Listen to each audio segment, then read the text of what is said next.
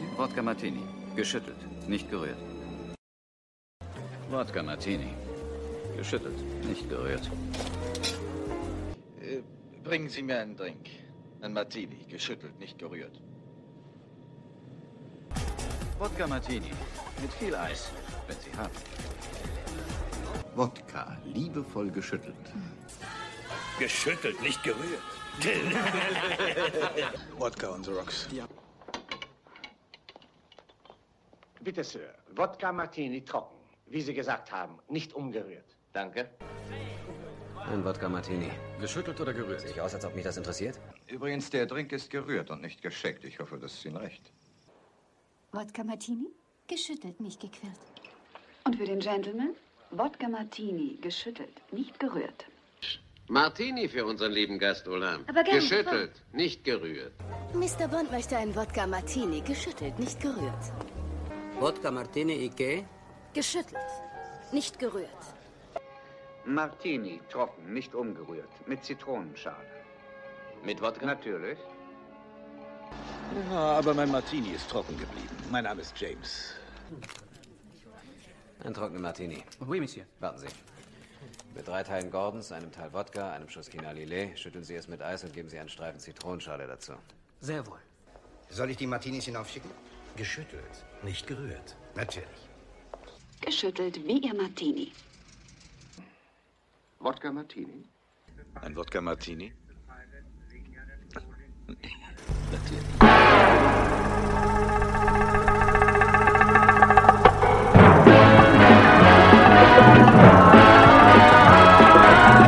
When it comes to entertainment, you can't beat a good film.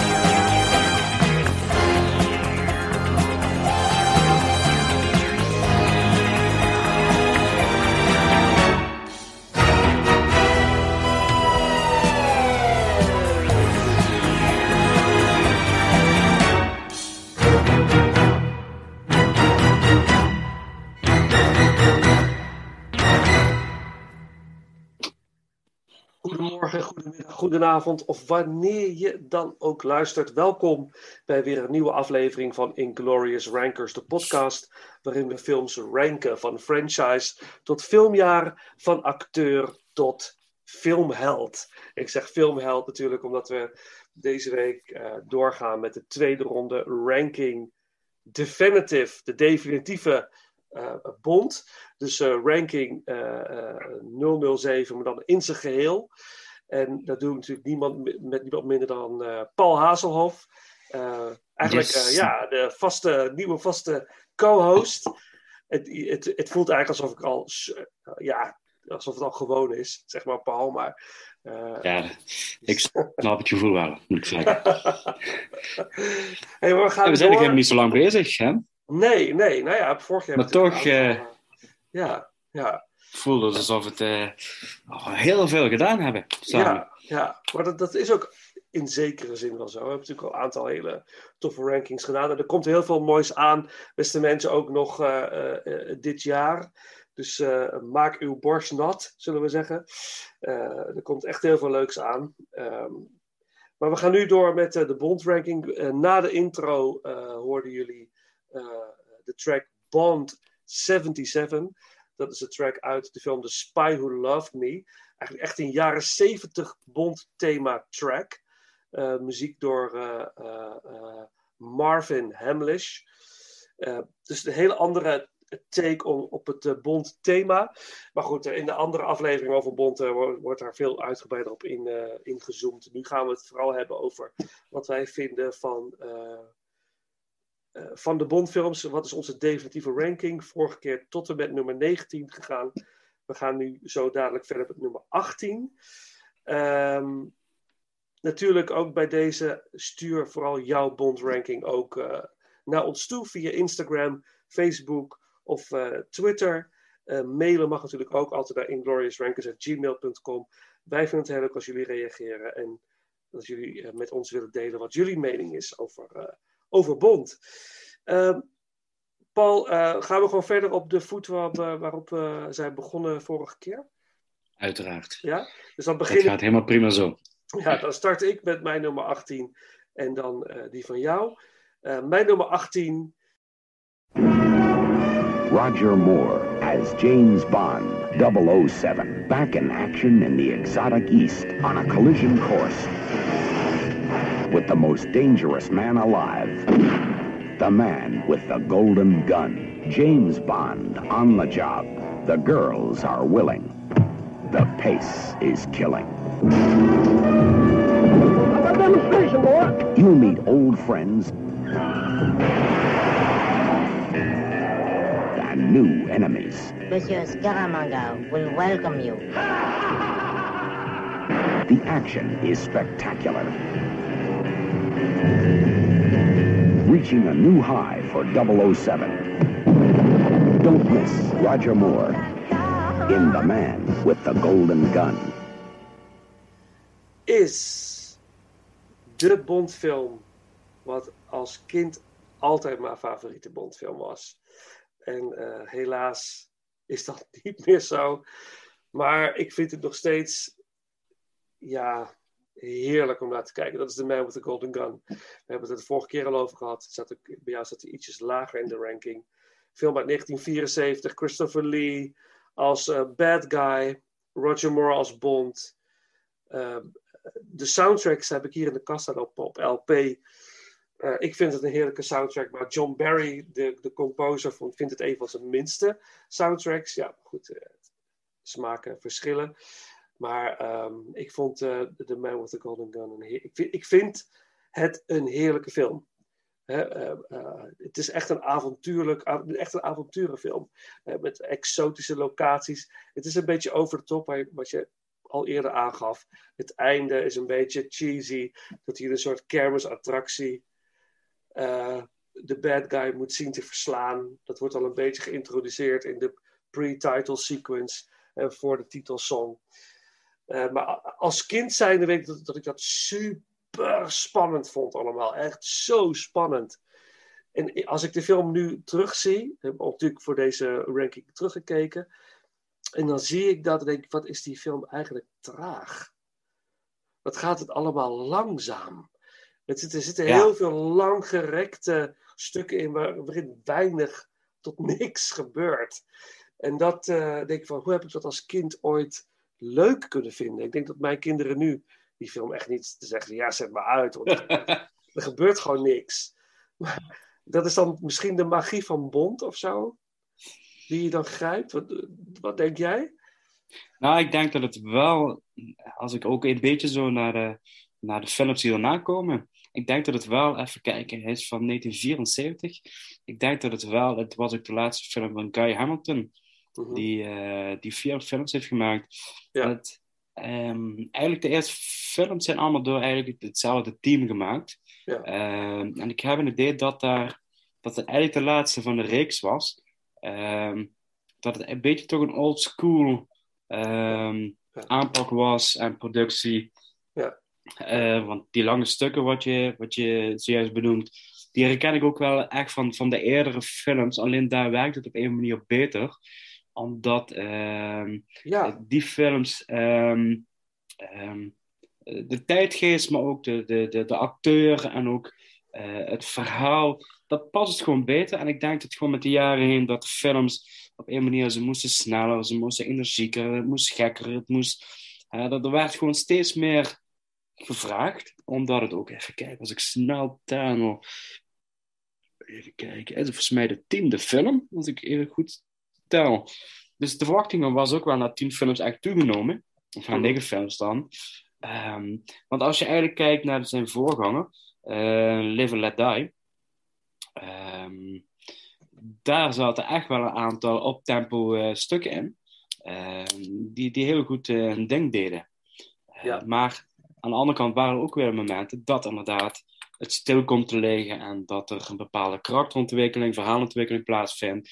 En ik denk dat in deze film dat iets te veel gebeurde Mhm. en dat het, ehm, het, het geheel gewoon misschien net iets te mager is geweest om, om, om het op te vullen, zeg maar. Ja. Ehm, wat ik wel op zich nog wel, ook wat ik nu terugdenk, wat ik de vorige ben vergeten te benoemen, wat ik wel echt een heel mooi elementje vond, is ehm, het speelt zich af in Thailand, als ik het goed eh, begrepen Ja, heb. Thailand, hè? dat is de locatie, ja. Volgens mij Oké. suggereren ze Shanghai ook, volgens mij. eh, Hongkong, als ik het goed Mhm. heb. Maar maakt niet uit, ja. Wat, wat. Nou, op een gegeven moment, dat er ligt zo'n verroeste oude zeetanker ligt in de baai. En Ja. dat is het hoofdkwartier van de, zeg maar, de lokale geheime dienst. Eh, laten we maar even zeggen, ja, ik denk Thailand dan of Hongkong. Ja, ja, Eh, ja, ja, Hongkong, eh, ja, ja. Dat, dat vond ik wel, vind ik wel echt een ja, heerlijk, heerlijke Ja. set. Dat ik denk van, dit is echt gewoon waar, waar, de, waar de set dressers en de, ja, de, de production design echt gewoon helemaal zijn gang kan gaan. Ja, Ehm, ja. Peter Lamont is volgens mij die, die, eh, die, die echt al hoeveel films niet ja, qua, qua decors heeft voorzien. Ja, dit, dit is wel zo'n juweeltje, om zo te zeggen. Absoluut, absoluut. Het, eh, voordat we doorgaan eh, naar jouw nummer, eh, jouw nummer 18, is het, is het is zo, zo bizar dat Bond dan op een of ander schip belandt na een achtervolging of zo. En dan blijkt dat ineens het hoofdkwartier te zijn van uh, Ja. MI6 of zo. Dat, hoe, hoe ja, dan? dat is inderdaad een hele rare, hele rare verhaalontwikkeling, ik zo zeggen. Van, Ja, van, van alle boten en eilanden waar je dan stopt, zullen we maar zeggen, stop je toevallig. Ja, alsof je gewoon bij de laatste lokale pizzeria gewoon aanklopt van ik kom mijn bestelling afhalen. Zo, eh. het het gaat ook ja. zo, vooral niet geheimzinnig, dat ik denk van het, het lijkt misschien wel een geheime uitgangsgelegenheid ja, gelegenheid waar, je, waar je met een secret paspoort eh, naartoe moet eh, gaan, zeg maar. Ja, Fantastisch. Dat, eh, Ja, en dat toch, ja, Ja. het heeft zoiets fijns. En de looping, de looping met de auto, dat is eigenlijk misschien wel de, de bekendste stunt en actiescène uit de hele, of uit de hele film. Ja, ja, en ja. Ja. ja, ook wel een prachtig verhaal. Ja, ja, die, Ja. dat benoemden we al de vorige keer. Dat is een één take opgenomen. Ja, Ja, fantastisch. Ja, ja. stilmaties, en- niet, niet lullen, maar rijden. Hoppakee. Ja, en de auto die een vliegtuig wordt. Dat vind ik ook zo'n fantastisch Ja. ding. Het Ja, zit echt, ja, eigenlijk is het gewoon een hele leuke film. Waarom staat hij in godsnaam op nummer 18? Maar ja, goed. deed me een beetje denken aan de, aan de Thunderbirds, die auto. Ja, Thunderbirds. En dan naar Engeland toe gaan. Ik zeg, ja, wat, wat, wat ik meer kun je daar uh, de vergelijkingen trekken? Ja, ja. Ja, tijdens de vlucht maar even de kofferbak openmaken. Ja, dat kan gemakkelijk. Dus, ja. Uh, ja, dus, heerlijk. heerlijk. Wel een leuke film, inderdaad. Als we het erover hebben, wil ik hem bijna gewoon weer gaan kijken. Het is toch, het is Ja. toch wel, uh, wel echt heel leuk. Oké. Je wat de mazzel is? Komende vrijdag mag ik hem kijken, want er staat hier op mijn lijstje. Oh ja, je bent bij... uh, volger. Ja, ik heb afgelopen vrijdag Live and Let Die gekeken. En nu vrijdag staat uh, The Man with the Golden Gun op het programma. Oh, wat heerlijk. Dus, wat heerlijk. Ja, mooi vooruitzicht. En wat is jouw nummer 18?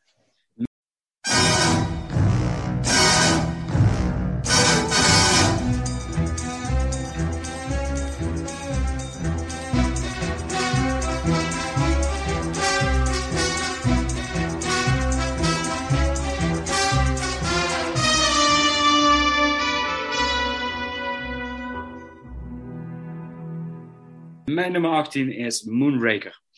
En dat is natuurlijk uh, James Bond in space. God. Onze ranking ligt echt zo ver. Ja, ja, ja, ja, ja, ja, ja, ja. Dat, uh, dat hadden we al van tevoren verwacht. Fantastisch. Ja. Oh my god. Ja, het doet pijn, denk ik. Maar goed, uh, dat is natuurlijk ook de mooie van een ranking doen. zeker, zeker, zeker. Ja. Wat ik, uh, ja goed, het eigenlijke verhaal achter Moonraker is op zich wel een beetje bekend, denk ik. Dat is natuurlijk het vaart enorm het succes van Star Wars. Um, ik, ik, heb er altijd gezegd, ik vind, vind het gedeelte in, uh, in de ruimte vind ik ook best plezant. Ik kijk er graag naar. Dus het heeft eigenlijk een bepaalde fun factor en gewoon geen gekkigheid. En het gaat erom dat, dat een multimiljonair die wil eigenlijk een Ark van maken in de, in de ruimte en wil gas in een gasbom laten vallen op de aarde. En waardoor ze uiteindelijk zoveel jaar later terugkomen voor een nieuw en vooral perfect genetisch ras uh, op aarde neer te zetten. Nou, ja. En het zijn allemaal, dat allemaal bij elkaar denk ik, ja, leuk. En uh, hetgene wat ik gewoon echt minder vind, is, uh, is het gedeelte in Venetië.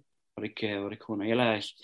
het is leuk, het is grappig, maar het is, het is zo weer over de top. En dus wat ik vaak heb gezegd, Roger Moore films hebben allemaal...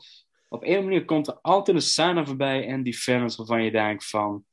Ja, volgens mij hebben ze je carte blanche gegeven en mag je gewoon alles doen wat je wilt. Want er moet één gekke scène in zitten. En ja, wat gaan we doen? We gaan gewoon een, een gondel ombouwen tot een bepaalde hoeverkraftmachine. En hij scheurt door de, door de water heen. Ik wil niet zeggen straatjes, maar door de, door de grachten, laat ik het zo zeggen. En uh, ja, het is toch wel een hele andere kijk dan Venetië van Casino Royale, zullen we maar zeggen. dat wel, dat zeker, ja. Ja. Zeker.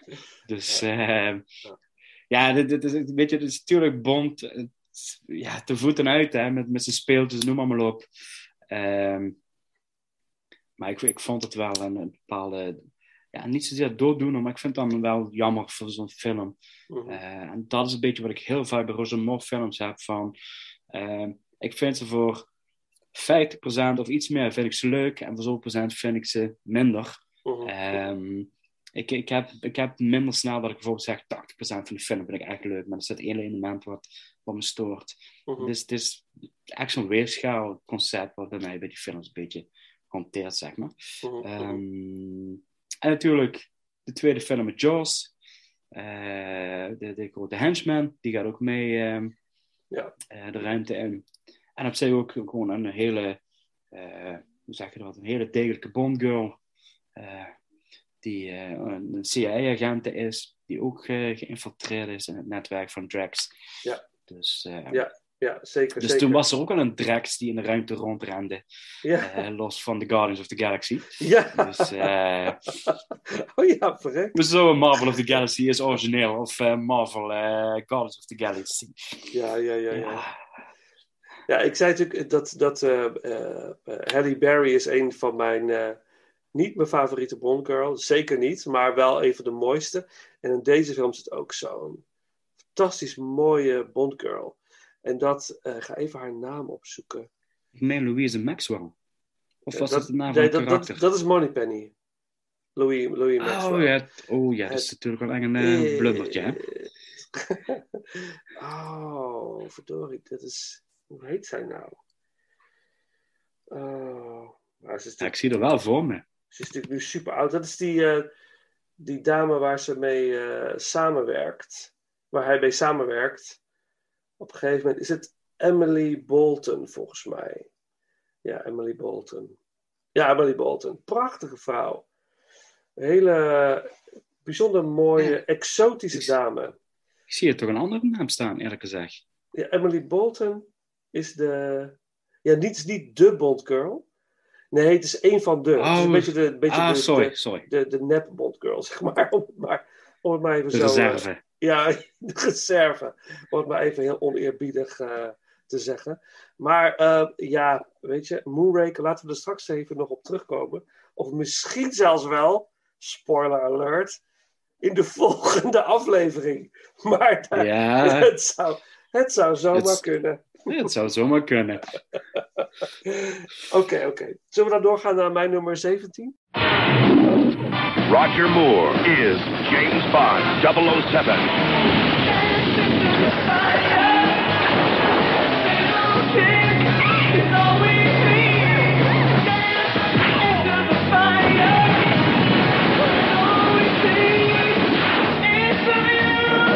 A View to a Kill.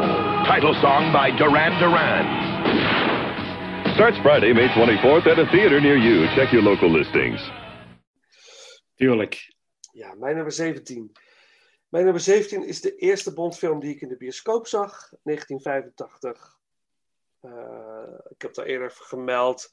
Zag ik illegaal. Ik had een kaartje voor eh, een andere film, maar ik ging eh, stiekem zitten en dan zag ik A View to a Kill.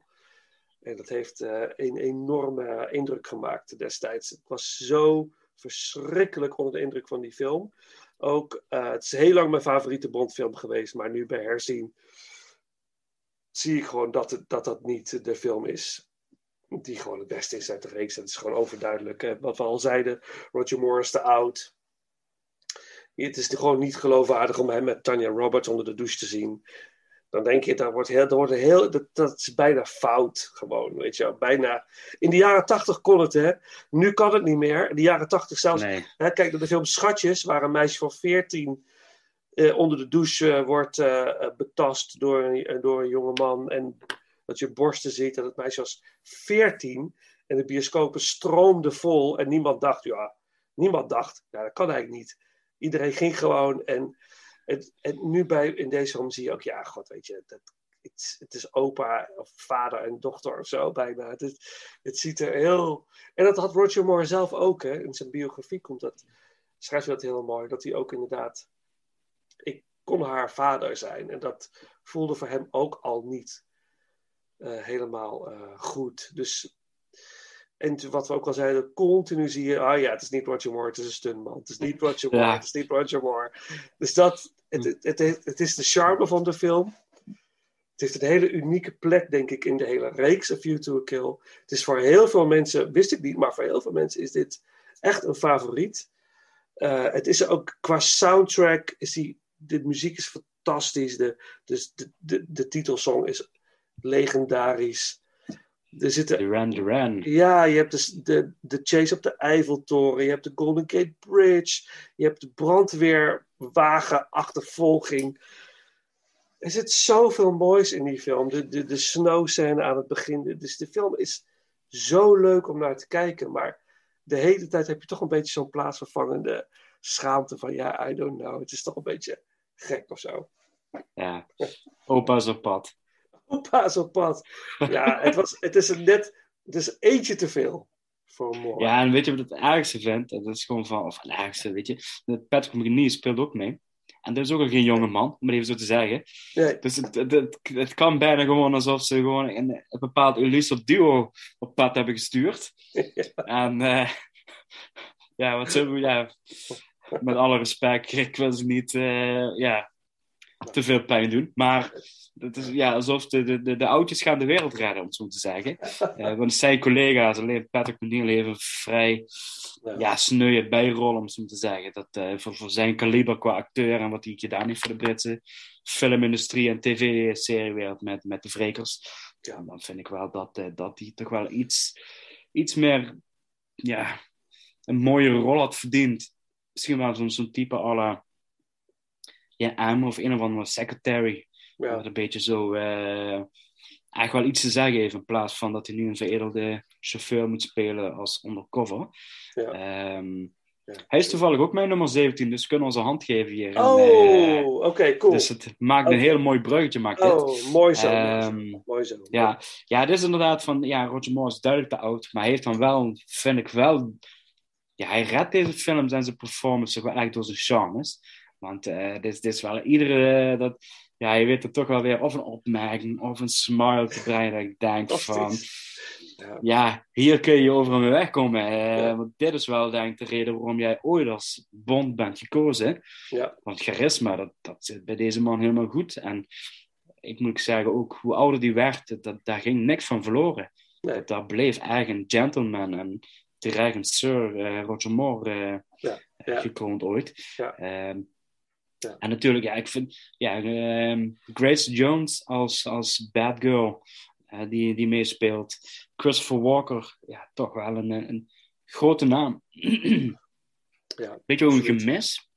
Ook een dat vind ik wel vaker eigenlijk, dat, dat, dat ja, bad guys, Bond, slechterikken, ja, soms ongelukkig uit de verf komen. Terwijl ze soms best goede acteurs hebben weten te strikken. Mhm. We hebben het in de vorige podcast ook al gehad over eh, een bepaalde rol van Christopher Waltz, waar het dan een beetje eh, ja, niet helemaal lekker uit de verf komt. Ja. Vond ik bij deze ook een beetje. Hij is een beetje een, een, een, een Russische embryo-baby, volgens mij, als ik het even goed herinner. In elk geval. eh, Ja, hij komt uit, geval- ja, uit vanuit de nazi's. En, en, en, en inderdaad, Ja, een iets- dokter die hem heeft eh, gecreëerd in de Tweede Wereldoorlog eigenlijk. Precies, met genetische eh, Ja. aanpassen. Dus hij, is, hij is hoogbegaafd.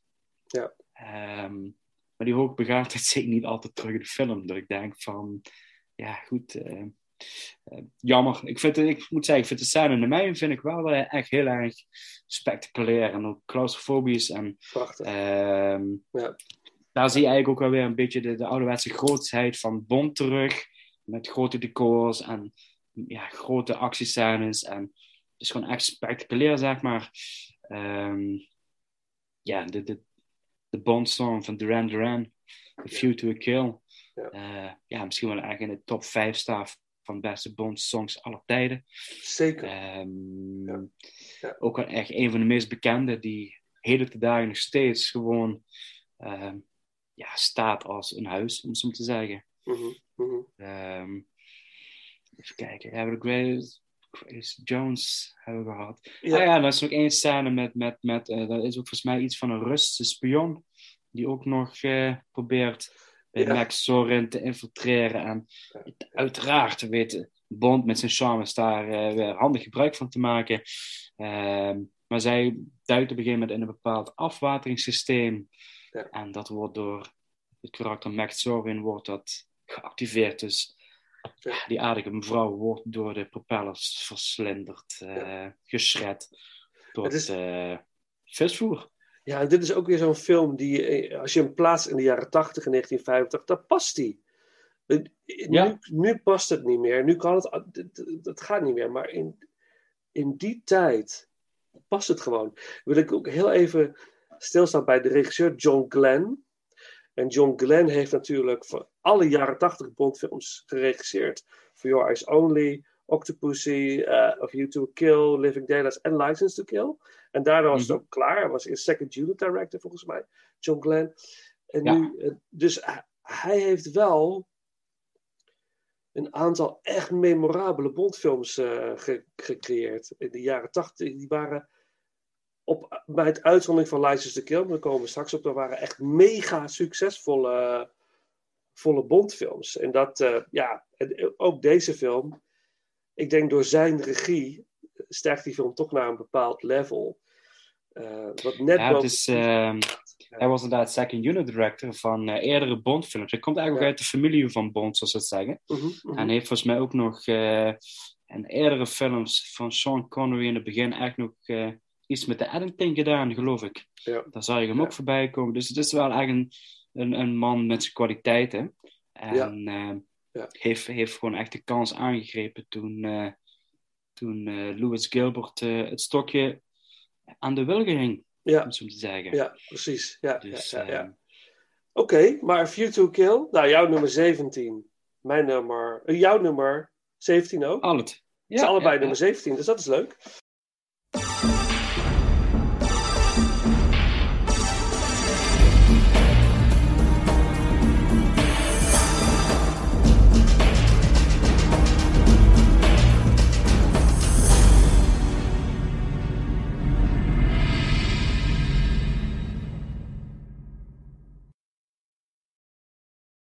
Dan gaan we verwachten dat we in ons lijstje van 26 titels dat er één op dezelfde plek staat. Dit vind ik al bijna een unicum. Ja, maar het zou nog zomaar kunnen zijn dat er nog een paar op dezelfde plek staan. Hè? We gaan nu natuurlijk naar een uh, nog beter uh, segment. En mijn nummer 16, ja, nummer 16 is. Um, uh, en dan hebben we ze volgens mij allemaal gehad van hem. Ja, zo heb ik dat gehad. GoldenEye. met de, eerste, de eerste Bondfilm met Pierce Brosnan. Uh, in een zes jaar, uh, zes jaar uh, gat tussen License to Kill en GoldenEye. License to Kill was die was in 1989. En License to Kill was niet het succes waar men op had gehoopt, omdat hij in 1989 moest concurreren met Batman, Indiana Jones and the Last Crusade, Lethal Weapon 2, echt een, Die Hard, Die Hard 2, daar 2 en Back to the Future 2. Dus het was een jaar, dat was ongekend. Predator. Ja, een fantastisch uh, filmjaar. Uh, maar goed, uh, nee, Predator was 87. Oh, Living okay. Daylights is 87. Dat is de andere, okay. andere met ja. Dalton natuurlijk. maar, maar dat heeft dus zes jaar geduurd. Uiteindelijk hebben ze een nieuwe bond gevonden. En dat bleek, dat werd dan Pierce Brosnan. Was nog even sprake dat zelfs Timothy Dalton deze film nog zou maken. Dat was, was contractueel bijna vastgelegd, maar uiteindelijk is dat niet, niet gebeurd. GoldenEye is de beste Pierce Brosnan film. Absoluut de, de beste. Uh, een, een uitstekende Bondfilm. Famke Jansen, Nee, onze eigen Famke Jansen zit erin natuurlijk. Onze Nederlandse trots, die zich onlangs gigantisch heeft laten verbouwen. Waarvan ik echt dacht van, nou, wat, wat, wat doe je nou? Dacht ik echt, wat, wat? Uh, soms, dat is met Nicole Kidman, dus dat ik van, wat, waarom? En ja, waarom? Maar goed, dat is weer een heel andere discussie. Uh, maar GoldenEye vind ik uh, een, een, hele een goede Bondfilm, maar een verschrikkelijke soundtrack door Eric Serra. Ja, die, dit gewoon, dat is gewoon niet, niet de Bond sound. Het is ook niet zijn film, zeg maar. Nee. Dus, uh, hij, heeft, heeft echt prachtige soundtracks gemaakt. Ja. Uh, dat hebben we het ook al eens eerder over gehad. Over films Ja. van Luc Besson heeft hij vooral ook gedaan. Ja. Uh. Fifth Element, The Big Bleu, Ja, de Big Gr- Bleu. Le Grand Bleu. Oh, ja, ja, ja. ja, ja, ja. Het is echt een aanrader, mensen. Als, Ja. je, als je ooit eens een keer een film wilt kijken die ja, redelijk onbekend is, maar wel een bepaald, ehm, ja, echt weet te raken. Le Grand Bleu. Ja, Le Grand Bleu. Big Blue op zijn Engels. Ja, ja je hebt Dus, ook een eh, Engelstalige versie en een Franstalige versie. Ik prefereer de Engelstalige versie, maar dat is de eerste, de eerste versie die ik had gezien. Eh, daar gaan we nog zeker op terugkomen, want we gaan ergens dit jaar nog ranking 1988 doen. Dus ik ben heel benieuwd waar die dan staat in onze beide ranking. Ja, ja, Eh, maar die gaat heel hoog scoren, dat weet ik nu al. Mhm. Ehm, maar Martin Campbell heeft eh, zijn eerste eh, Bondfilm die hij heeft geregisseerd. Hij heeft ook met Casino Royale zijn of, Daniel Craig geïntroduceerd. En eigenlijk zowel bij GoldenEye als bij Casino Royale doet hij voortreffelijk werk. Want hij ook dit. Brosnan is eigenlijk de perfecte combinatie tussen Connery en Moore. In deze film vind ik dat helemaal eh, echt heel, heel goed. Fantastische Ik, eh, film. Ik vind, vind het jammer met, met, met Brosnan, maar we komen er ook later nog op terug. Want uh, ik heb Mhm. er nog een paar van Brosnan te gaan. Twee stuks, zie ik Mhm. even snel in mijn lijstje. Mhm. Ik, ik, vind, ik vind het eigenlijk een hele fijne, fi- fijne Bond-acteur, laat ik het zo zeggen. Mhm. Ik, ik kon hem echt waarderen als Bond zijnde. Ik vind alleen heel erg jammer dat hij gewoon eigenlijk in het verkeerde tijdperk Bond is geworden. Omdat hij gewoon niet het juiste materiaal heeft gekregen om mee te werken. Mhm. En gelukkig GoldenEye is wel het voorbeeld dat hij met goed materiaal uh, goed uit de voeten. En dat, dat is wel. Uh, GoldenEye staat bij mij nog ergens een lijstje hoger op. Ja. ja. Maar ik vind het vooral eigenlijk een prachtig. Ja, ik vind het ook vooral eigenlijk een prachtige film als het gaat om de, de strijd tussen twee vrienden. Hè, 007 006. Ja. En ook, uh, dus, dus, ja, de film is in 95. De, de Berlijnse muur is een paar jaar ervoor gevallen. Uh, en ze spelen heel erg met die nasleep van de val van de muur en uh, het opkomende ja, nieuwe machten en nieuwe, nieuwe uh, slechterik, om het zo te zeggen. Um, ja. Ja. En ja, een aantal ja, hele sterke actiescènes die ze gewoon voorschotelen. Ja. Um, ook heeft de film, vind ik, een mooie balans tussen, tussen de, de gekheid wat Bond heeft, om zo te zeggen, maar ook toch een bepaald realisme. En uh, dat, dat vond ik ook een hele fijne balans in deze film. En dat is dan jammer, hè, Paul, dat, ja, we komen natuurlijk straks nog op terug als hij bij jou voorbij komt. Mm -hmm. Ik zal niet te lang bij stilstaan, maar dat is dan toch jammer dat, dat deze film zo'n uh, interessante uh, visie heeft, of een trend inzet, dat het bij de films daarna eigenlijk langzaamaan volledig over de top gaat. Terwijl deze film nog, dat wat zegt, een bepaald realisme heeft. Dat hij, je gelooft Bond echt nog. Mm -hmm. en, wat je zegt ook, in de andere films moet Brosnan daar zo hard voor werken om overeind te blijven in al die gekte die hij om zich heen heeft. En een acteur als Moore, ja, die dat, dat van nature over zich heen heeft, dat heeft Brosnan helemaal niet. En dat, uh, maar goed, daar komen we zo op terug. Maar, um, ja. ja, Brosnan moest eigenlijk opknoppen tegen eigenlijk alle, alle gekke ideeën wat in het verhaal de schrijver verzonnen. Um, en dat, het was meer films van gekke ideeën. En oh ja, daar rende ook nog steeds Bond rond in de ja. film. Ja. Uh, ja. ja. Als, je, als je de hoofdpersoon uh, een andere naam had gegeven, was het ook gewoon een prima actiefilm geweest. Ja. Um, en dan had het niks met Bond te maken gehad. Nee. Dat is gewoon heel erg jammer. Ja. En uh, ja, daar, daar verdient. En ja, goed, en de jaren 90 is ook wel echt een tijdperk waar de, waar de actiefilms echt wel een bepaalde verschuiving gemaakt hebben. En vooral in de eindjaren 90 heel erg gingen leunen op de, op de special effects en op, ja. op uh, computeranimatie. Uh, wat natuurlijk van af en toe uh, discutabele kwaliteit is geweest. Ja. Um, maar ik, er was eigenlijk een periode dat me dacht van ja, we kunnen alles uit de computer toveren, dus laat het gewoon maar verzinnen. Daar wil ik nog is... Ja, daar wil ik nog wel iets over zeggen, want het sowieso even de jaren 90 was natuurlijk wacko. Wack, wacko is het. Wat, Mhm. mm uh, face-off. Weet je, dat kun je echt nooit meer maken nu. Maar iedereen vindt dat zo fantastisch. Ik heb het er komt deel 2, hè? Komt er een deel 2? Ja, er komt deel 2. Oh my god. Ik hoop dat ze dat... Nou, dat moeten ze eigenlijk helemaal niet doen. Maar goed, we gaan het... Uh, wie weet, wie weet gaan ze ons blijven verrassen. Con Air, Independence Day. Al, al die larger than life... Films. Wat ze in de jaren tachtig hadden ingezet in, in uh, een beetje de, de grens opzoeken.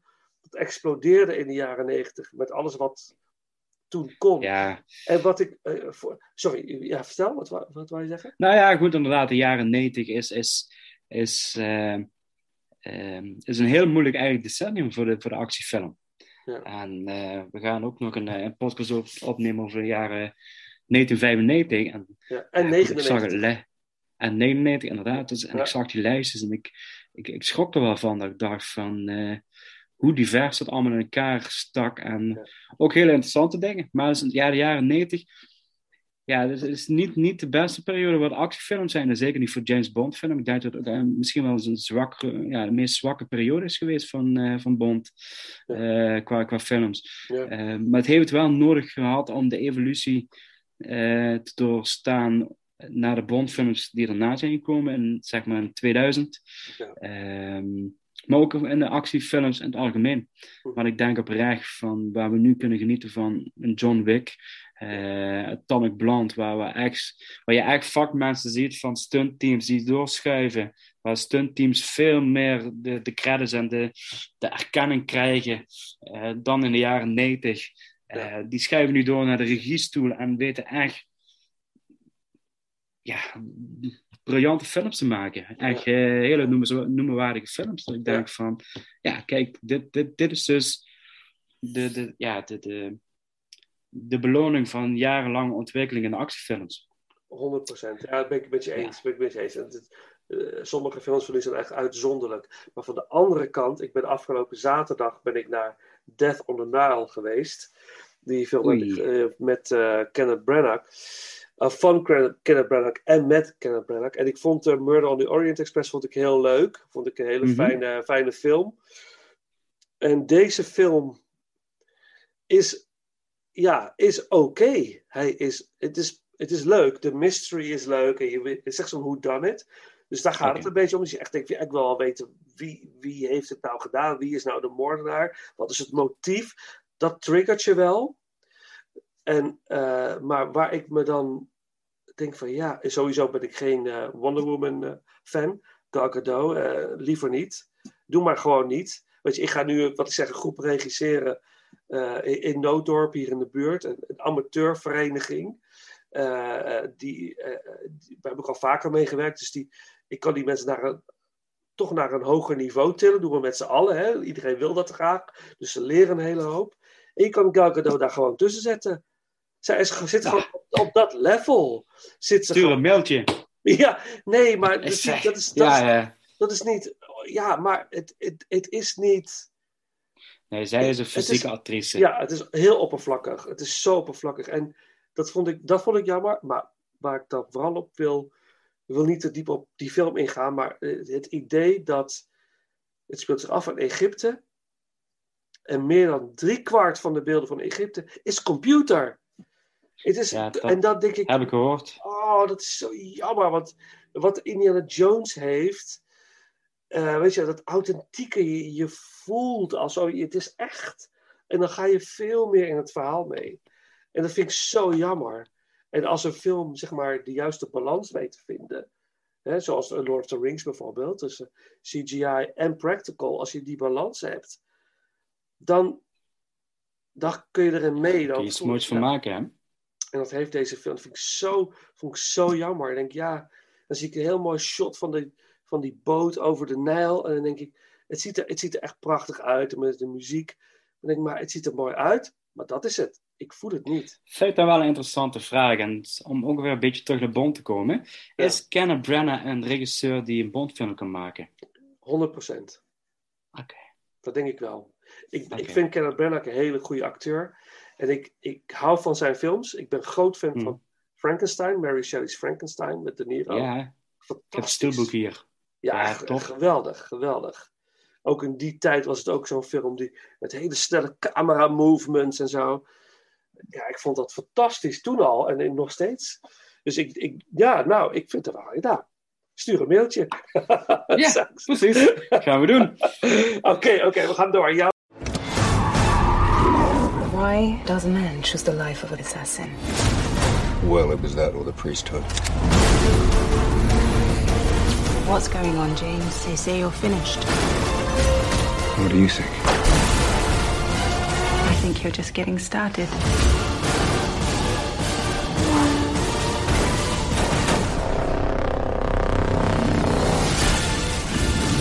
Spectre in IMAX, November 6th.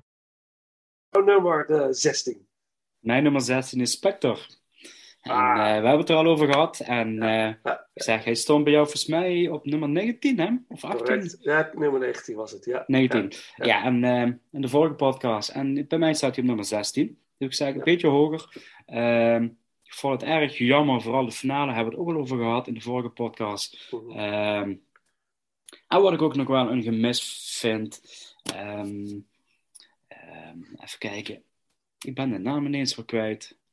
Ehm, Welke eh, is de daar speelt een Brit, ja, Britse acteur speelt er mee. Die heeft ook eigenlijk een glansrol in 1917. eh, als, een, als een corporaal in het begin. Andrew, en die speelde ook eh, Moriarty in de Sherlock Holmes tv-serie met Benedict Cum- Cumberbatch. Mhm, Eh, Andrew, Andrew, oh. Hij speelt elke geval, hij speelt elke geval een, een, een, ja, een beetje een concurrent voor M. Andrew Scott. Die, eh, Ja, Andrew ja, Scott. zie. Ja, ja, ja, ja, ja, ja, ja, ja, ja, ja. Daar wil ik wel even nog even een, een, een ja. bijzondere vermelding van maken van deze man. Ehm, dat is echt een... Ja, het gaat nog niet meer, maar ik vond het echt een potentiële James Bond acteur. Ja, ja. Ik heb uh, voor Spectre heeft hij bij mij wel een tijdje eh, in het lijstje gestaan van potentiële Bond-opvolgers. Maar die man die heeft, kan ten eerste gewoon geweldig acteren. En niet alleen in, in, in, de grote mainstream films zoals 1917 en Spectre, maar ook vooral het kleinere werk. Ja. Het Britse uh, kleinere werk. Ja, dat, dat vind ik wel echt een shout-out dat ik denk van die man verdient wel, uh, vind ik, een vermelding. Ja. Dus ik was ook eigenlijk enorm hype toen ik hoorde de, dat, dat hij bij de perspresentatie dat hij gecast was. En ik vind eigenlijk dat ze een beetje ja, te weinig met hem gedaan hebben. Uh, want hij speelde ook een of andere, ja, ja wat is het, een, een, invloedrijk figuur met een nieuwe, nieuwe op, in elk geval er is een nieuw, er komt een nieuwe geheime dienst, wordt er uh, opgezet. Ja, meer de digitale, ja, ja, meer de digitale wereld. En het moet ja. eigenlijk de sector waar ook de, de 00-section onder valt van M, die, die moeten eigenlijk verdwijnen voor dat soort nieuwe, hypermoderne. En eigenlijk laat deze film zien dat oude krachten gewoon nog steeds de meest betrouwbare zijn, om zo te zeggen. Ja. Um, ja. In plaats van heel erg te leunen op allerlei um, ja, digitale technieken. Ja. Uh, maar goed, hij is natuurlijk ook een handlanger van Blofeld. Daar zit ook een bepaalde connectie in. Hij had Blofeld moeten spelen. Ja, nu het was, zegt. Dat, dat, was... dat zou een veel interessantere combi zijn ja. geweest. Ja. Uh, ja, briljant. Ja, dat, dat vind ik eigenlijk een hele, hele, hele stoere opmerking. Absoluut. Dat uh, Andrew Scott als Blofeld. Ik, ik, kan, ik kan het nog wel aanraden, want ik heb. Uh, het, je kunt er volgens mij kopen. Volgens, ik weet niet of hij op bol staat, maar ik heb hem zelf niet. Maar ik heb het integraal toen gekeken op de BBC. Ik zag het toevallig dat het kwam, dus ik heb het gezien. Dat was uh, Andrew Scott in Hamlet. Dus een uh, live versie van Hamlet vanuit Royal Shakespeare Theatre, volgens mij, in uh, Londen. En man, man, man, ik, ik, ik, ik, ik ben natuurlijk een theaterman, dus ik, dan sommige, weet je, kijk, ik heb het ook wel. Uh, uh, ik hoop dit jaar weer een keer naar Londen te kunnen gaan. En dan hoop ik weer eens naar Les Miserables te kunnen. Dat is gewoon een ander level van acteren. Als die. Ireneeltes musical is leuk. Weet je, is leuk. En dat is vermakelijk. En dat is eigenlijk bovenniveau, hè? Ja, maar daar ga je. Daar, heb je, daar leeft theater. Dat zijn acteurs die, die komen op en die zijn het personage. En dat voel je op het toneel. En ik heb het op tv gezien, Hamlet met Andrew Scott als Hamlet. Ja, het is ongekend. Het is ongelooflijk. Wat, wat die man. Uh, je, Hamlet, Shakespeare is moeilijk hè, qua tekst. Het is super moeilijk om het te volgen. Ook die Shakespeare-verfilming. Je moet echt ervoor zitten, je concentreren en goed proberen te begrijpen wat hier gezegd wordt. Maar hoe hij dat speelde, je begreep alles omdat hij fysiek. Maar ik vind het ook wel weer een mooi voorbeeld. Oh, man, wat ik al eerder ook aangeef van. Ze weten als producentenverbond, weten ze altijd wel echt hele goede mensen aan te trekken. Ja. En natuurlijk, de, de, de, franchise en de, het merknaam Bond is natuurlijk ook waar iedere deur volgens mij ja op schreeuwt, zonder ja. dat hij iets ooit gezien heeft. Ja. Uh, maar ze doen soms zo weinig met sommige acteurs. En ik vond dat bij hem ook heel erg. En ja, ook met Spectre, we hebben het al eerder gehad over Blofeld, uh, met Christopher. Ja. Um, ja. Ja, dat, maar aan de andere kant, je hebt er wel bijvoorbeeld ook weer een, een Monica Bellucci in deze film zitten. Ja. Um, ja, met alle, echt met alle respect en liefde gezegd, de oudste Bond girl die volgens mij de franchise heeft. Maar deze vrouw die heeft meer seks en seksappeal en uitstraling dan, dan menige andere 20-jarig model wat je tegenwoordig in de filmindustrie ziet rondrennen. Ja, Zo'n charisma, en, hè? Ja. En waar we dan juist bij de vorige film over hadden, dat ongemakkelijke tussen Roger Moore en, uh, oh weet je nou, Tanya Roberts. Mhm. Mm -hmm. uh, met van, het, het had mijn uh, vader kunnen zijn. Ja, dat vond ik nou echt zo... Ik vond het eigenlijk mooi gemaakt dat je gewoon... Je hebt gewoon twee acteurs van dezelfde leeftijdscategorie. Ja. wat gewoon echt heel goed werkt. Max. Het zijn alle twee gewoon echt hele goede acteurs. En die weten eigenlijk, die, ja, die paar scènes, wat je ook zegt, na de opening, dat eerste uur, is gewoon eigenlijk het sterkste gedeelte van deze film. Ja. Waar eigenlijk een aantal verhaallijnen en een aantal ontwikkelingen plaatsvinden. Dat is gewoon ontzettend goed gedaan. Ja, ja. Dan, ja, ja, ja, met gaaf. Lea, Sedus, als ik het goed zeg. De Ja, Lea ja, ja, ja, ja. Madeline Swan. Madeline Swan, dankjewel. Ja, ja. Ehm, ja, zij is gewoon eigenlijk een stuk jonger. Ja. Dus ik vind... Ik, ik- ze doet het goed, daar gaat niet om. Maar ik vind het dan... Ik kreeg dan toch daar weer meer het gevoel van... Ja, ik, ik, vond toch wel het leeftijdsverschil toch wel een beetje, een beetje voelbaar, om zo te zeggen. Mhm, mhm. Eh, Ja. ja, Maar ik vond erbij... Ja, Monica, Mo- haha, Monica Bellucci, die heeft dan wel echt... Ja, Malena. Ik weet niet of je die film kent. Ja, ja, tuurlijk, tuurlijk. Prachtig. Ja, ja, Dat is ja. echt... Eh, Maar dat is allemaal eerste helft van Spectre, maar daar hebben we het ook al over gehad.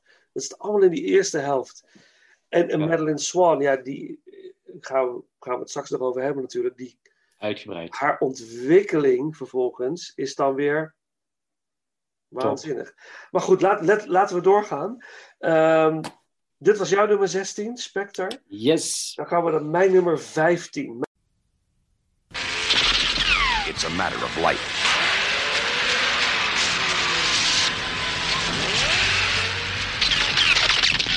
It's a matter of death.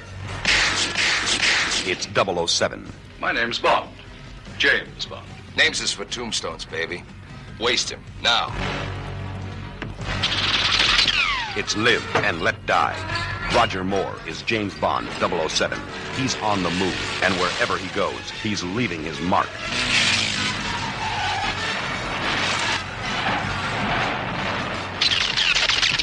It's livelier.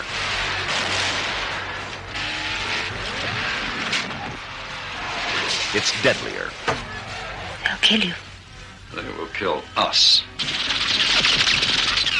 It's live and let die. Rated PG.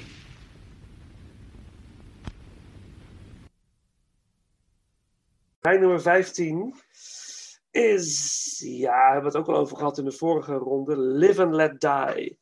De eerste, Die. de eerste Roger Moore film. Dus eh, ik heb hier The Man of the Golden Gun op 18. Nummer 15, Live and Let Die. De film die je nu niet meer kan maken met alle black people als bad guys. En zo. Het kan, die zou, de film zou afgemaakt worden. Zou die niet meer Ja. doen. Maar eh, ik vind Live and Let Die echt een hele sfeervolle film. Dus de film die ik niet mocht zien als kind. Wat me extra nieuwsgierig maakte natuurlijk. Er zitten een aantal bloeddorstige, bloeddorstige scènes in. Gewaagde dingen.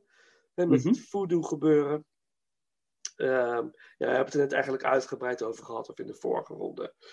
Eh, eh, Roger Moore, eh Jafet Koto als bad guy. Die zich op een gegeven moment blank schminkt. Hè, waar we het natuurlijk over, eh, over hadden gehad. Waanzinnige titelsong door Paul McCartney en Wings. Gecoverd door Guns N' Roses. Guy Hamilton regisseert. Mhm. Eh, wederom ook weer de, de, de, Gold- de Goldfinger eh, man.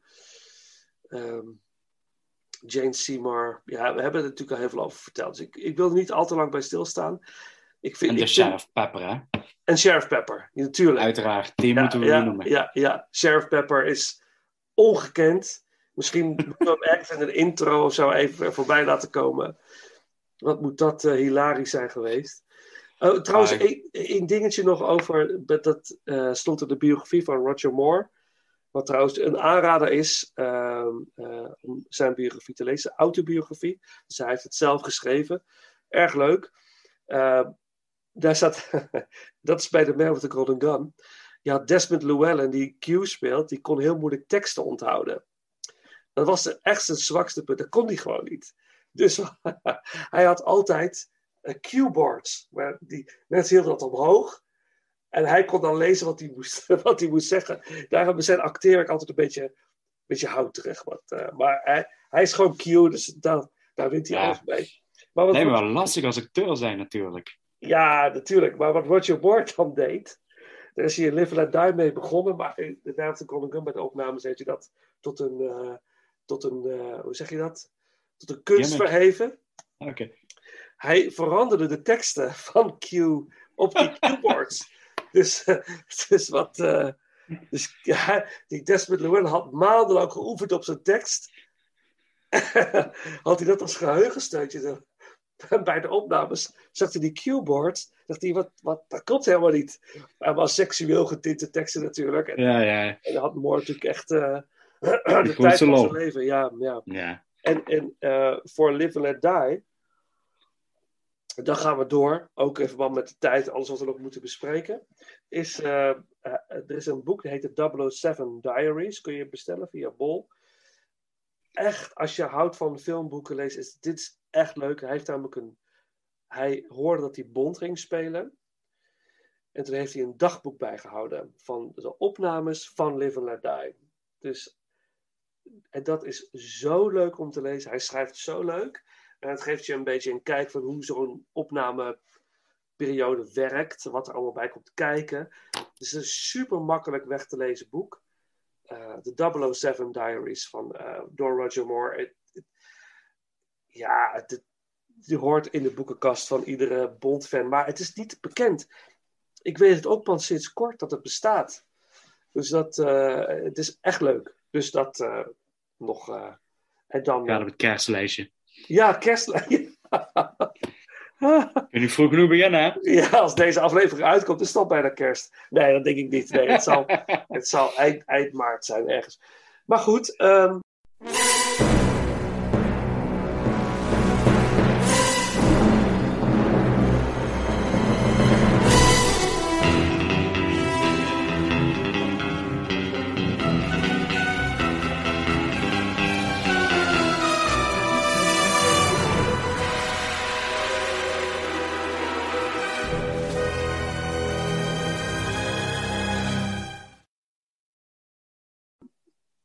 Dat is mijn nummer 15. Wat is die van jou? Mijn nummer 15 is License to Kill. En dat is de laatste film met Timothy Dalton. Timothy Dalton, ja. Ja, ja. ja. En um, ja, een hele, hele, eigenlijk een beetje aan een andere Bond dan uh, de eerste Bond-film van The Living, The Living Daylight. En ook de laatste film daar van John Glenn. Maar wel al een, een, een serieuzere film. volgens mij ook de eerste Bond-film die, die een, eh, een hogere rating kreeg qua, qua actie en geweld. Um, beoordeling.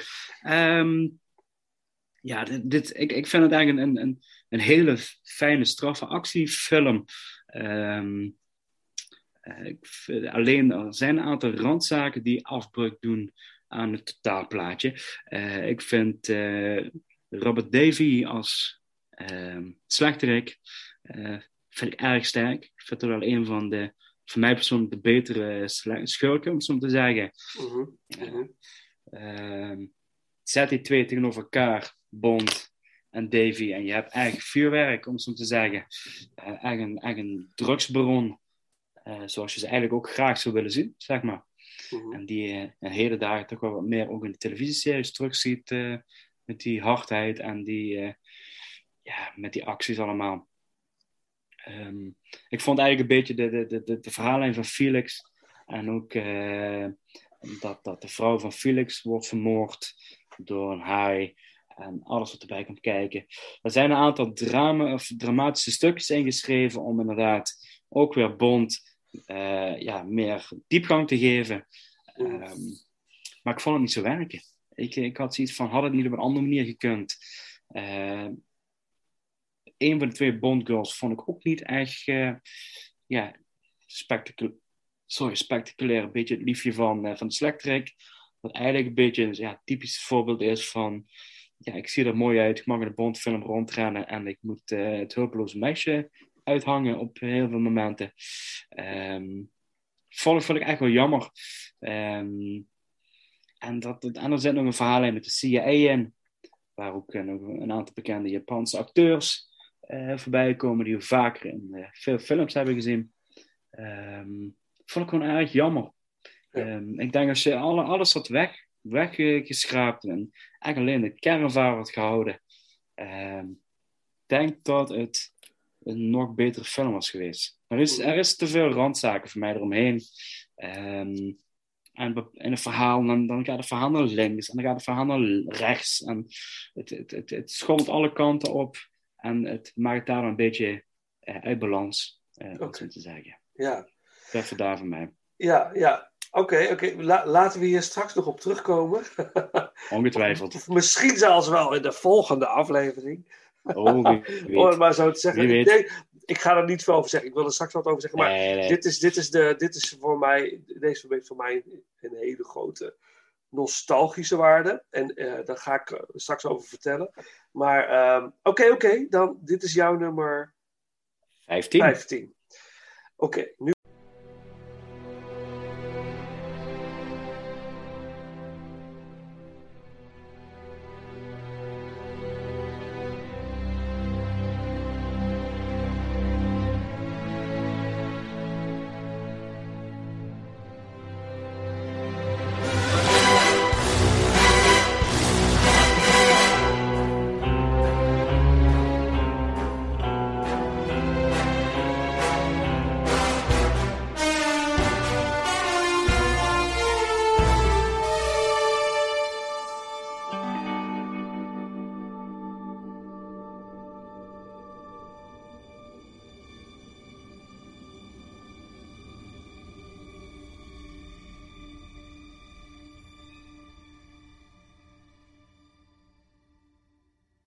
Komen we bij nummer 14. En nu zitten we, ik, ik weet niet, ja, misschien gaan mensen zeggen van wat?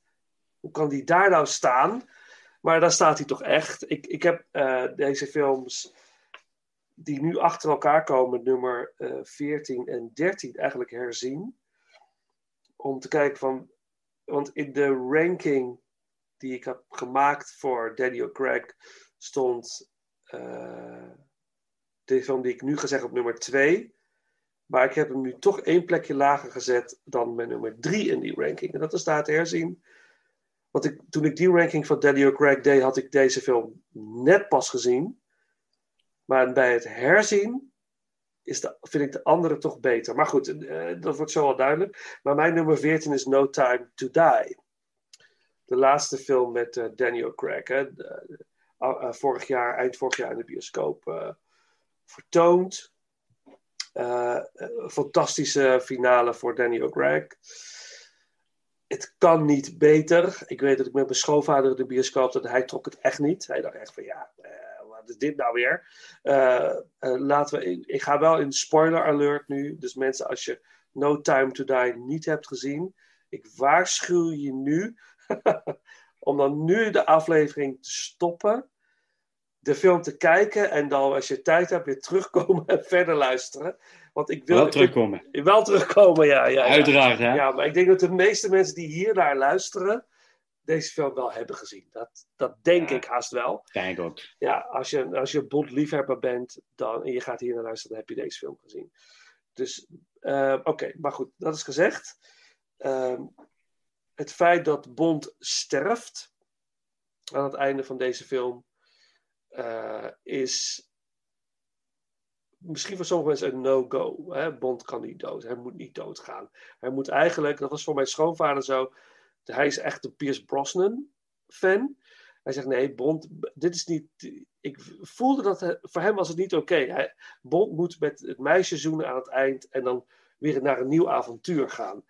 Maar ik vond dat dit de perfecte afsluiting was voor voor deze hele reeks. Uh, dit, is, dit is een karakterontwikkeling. Dit is, dit, deze hele Daniel Craig-reeks staat bijna los van alle andere Bondfilms. Dit is een compleet. Dit is bijna een miniserie, hè? een compleet verhaal. Van Casino Royale tot en met No Time to Die. Alles wordt gelinkt aan elkaar met een, een spectaculaire finale. Die niet beter had kunnen zijn. Hij heeft echt, hij heeft, ja, van de bikkelharde man naar een, naar een man die uit liefde en eigenlijk uh, uh, accepteert dat dit het lot is om degene voor wie hij echt houdt, waaronder zijn kind, zichzelf eigenlijk op te offeren op dat moment. En dat vond ik heel ontroerend, vond ik heel mooi. Ik denk, ja, dit is, dit is closure, dit is klaar, dit is afgelopen En er was ook het gesprek daarna van, ja, wat gaan ze dan doen met Bond? Hoe kan die dan ooit terugkomen? Ik zeg, nee, hij komt niet terug. Dit, Bond komt niet terug in deze vorm. Er wordt, volgens mij wordt er iets totaal nieuws gecreëerd. En dat is ook perfect, hè? Daar is ook de tijd voor. Het is tijd voor een nieuwe Bond. Iets compleet anders. En ik hoop dat ze daar heel mooi en creatief mee omgaan, dat het, uh, dat het allemaal goed komt. Maar dit, ja, was, dit was de perfecte afsluiting. Ja, en die impact van die afsluiting van deze film, ja, staat en valt eigenlijk een beetje wat ze met de volgende film gaan doen. Ja. En dat is een beetje waar ik nieuwsgierig naar ben. Van gaan ze door met wel een aantal vaste castleden zoals eh, Ray Fiennes eh, als M en Naomi Harris als Moneypenny. Gaan die terugkomen? Q eh, en eh Kenner, geloof ik. Ja. En dat toch wel de, de vaste randfiguren die om het bond heen Ja. ehm, hangen. Of gaan ze echt voor een hele nieuwe casting? Ik hoop, ik hoop het laatste. Want het zou niet kloppen als deze acteurs terugkomen. Eh, James, James Ja. Bond is er niet meer. Dus Klopt. Maar ik heb er wel een interessante theorie over. Oh god. Oké, oké, oké, oké. Wil je hem nu al verhalen of wil je hem bewaren tot die bij jou, tot ze bij jou zijn? Eh doen bij mijne. Ja, oké, oké. bij Dat is beter, Ja, beter, wel beter. een beetje, beetje cliffhanger. Ja, ja, maar doen we, doen we, doen we, doen we. Ja, dan komen we- ik ben wel heel benieuwd naar die theorie. Oké, Ja. komen, we, komen we zo op, komen we zo op. Maar in ieder geval, eh, eh, verder, ik, vond de bad guy niet noemenswaardig. Remy Malek. Nee. eh, Vond had, ik jammer. had ik hoge verwachtingen van. Dus, en, en ook bij het, bij het herzien dacht ik, ja, ik vind de openingsscène, de, dus de langste openingsscène voordat de titelsong begint. Eh, en dat hebben ze heel goed gedaan. Eh, Echt, echt heel goed gedaan. Je krijgt gelijk eh, wat Inspector een beetje, zeg maar, naar, qua energie naar beneden ging, pak ze hier in No Time to Die waanzinnig goed op. Het hele verhaal zet zich door. Hij, hij gaat, moet weer dealen met Blofeld. Dus er gebeurt een hele hoop. Maar uiteindelijk dat er een andere mastermind boven staat, vond ik op zich een interessant gegeven, verrassend. Maar Mhm. het was voor mij niet dreigend genoeg. Dit is de film van Daniel Craig. Dit is zijn, Ja. zijn film en zijn show en zijn eh, magnum epos noemen ze dat volgens mij. Magnus epos. Eh, dus ja, maar daar komen we zo verder op. Ah, ja. Ja. Ik wil alleen nog vast op zeggen, van, daarom had ik er ook wel vrede mee dat de slechterik minder was in deze film. Omdat het eigenlijk voor... Dit, dit was eigenlijk een film voor Bond, zeg Ja, maar. ja. De rest was allemaal opvulling. Ja. En daar kun je van alles van vinden. Ehm, maar daar had ik deze keer wel minder moeite mee. Ik ben helemaal mee eens. Het is, het is niet de schurk waarvan ik gehoopt had. Want het- daar zat echt wat potentie in. En de finale had ik ook wel wat op- en aanmerkingen over, om het zo te zeggen. Maar daar komen we dadelijk op terug. Ehm, maar dit is oké zo. Ik, eh, ik kan er eigenlijk helemaal mee leven hoe de film eh, geworden is en hoe, hoe ze het hebben aangepakt. Mooi. Oké, gaan we, we komen er zo op terug. Wat is jouw nummer 14? This holiday season. Bond. James Bond. Let the mayhem begin. When it comes to action, when it comes to adventure, Don't get any ideas. I'd never dream of it. No one else comes close. Lucky for you, I stopped by. Pro 007. Tomorrow Never Dies. Rated PG-13. Starts December 19. Mijn nummer 14 is Tomorrow Never Dies. Oh ja. En eh, die hebben we ook al eh, in de eerste eh, uitzending besproken. Staat bij jou een, een stuk lager. Behoorlijk. Eh, behoorlijk, ja. Ik geloof Tien plekken 21. lager. 24. Ah, 10 ple- 24. Oké. Nou, in ieder geval, wat ik... Wat ik ehm, ehm, de film zit bomvol met actie. En ehm, het is duidelijk te zien dat ze bij deze film heel goed wisten van...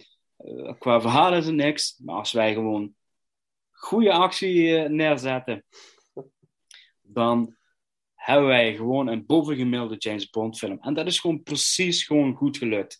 En eh, ik vond het ook in de, in de tijd dat deze film uitkwam, in 1997, vond ik me eigenlijk een, ja, echt goed, goed kunnen concurreren met de actiefilms die toen de tijd ja, werden ge, gereleased, zeg maar.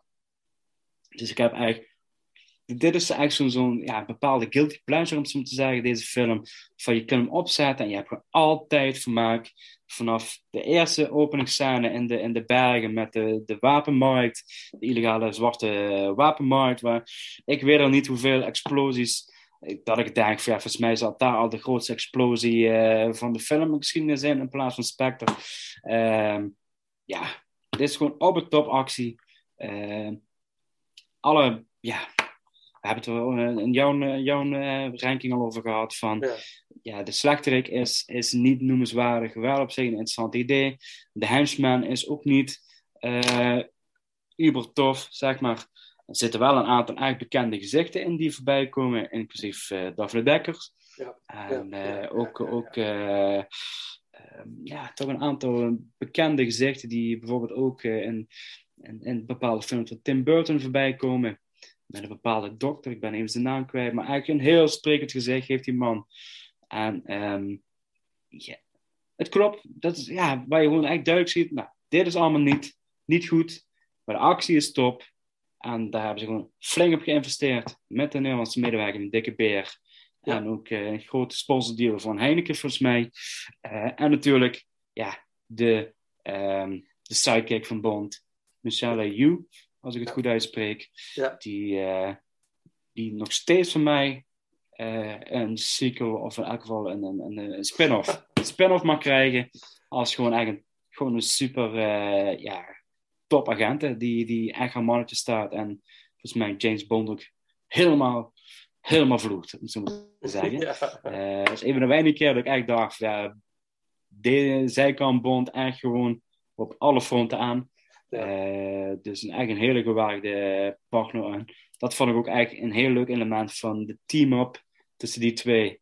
Waar je gewoon echt gelijkwaardige ja, hebt.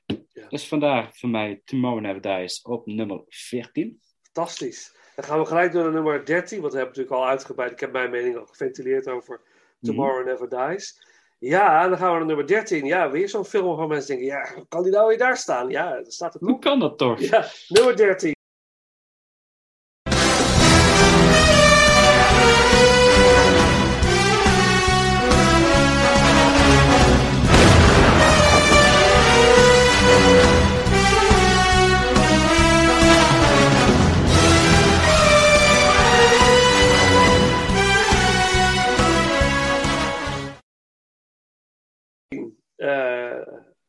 Ongeluksgetal, maar voor mij is 13 een geluksgetal.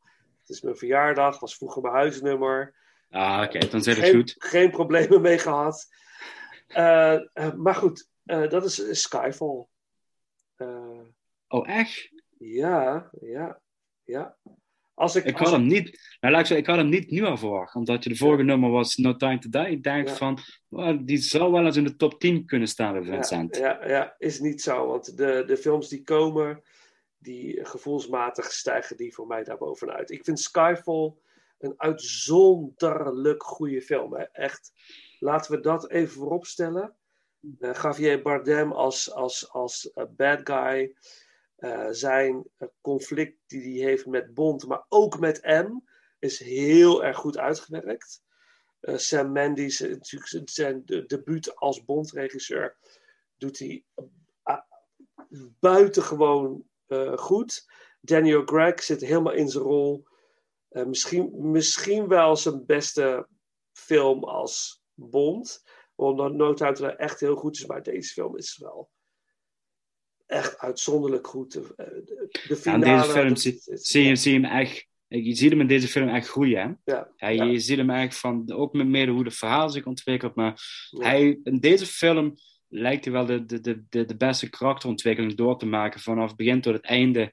Ja. Uh, dus ja. vandaar, ja, ik, ik snap wel inderdaad dat het waarschijnlijk zijn beste Bond-performance is uh, van de vijf. Ja, ja dat, dat denk ik wel. Een fantastische titelsong door Adele natuurlijk. Mega hit geweest.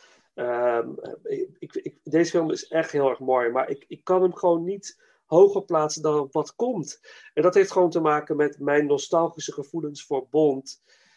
En deze film zal ik het minst vaak kijken van tegenover wat nog komt. daar heb ik het een beetje aan afgemeten. Van welke film zal ik nou keer op keer op keer op keer blijven kijken.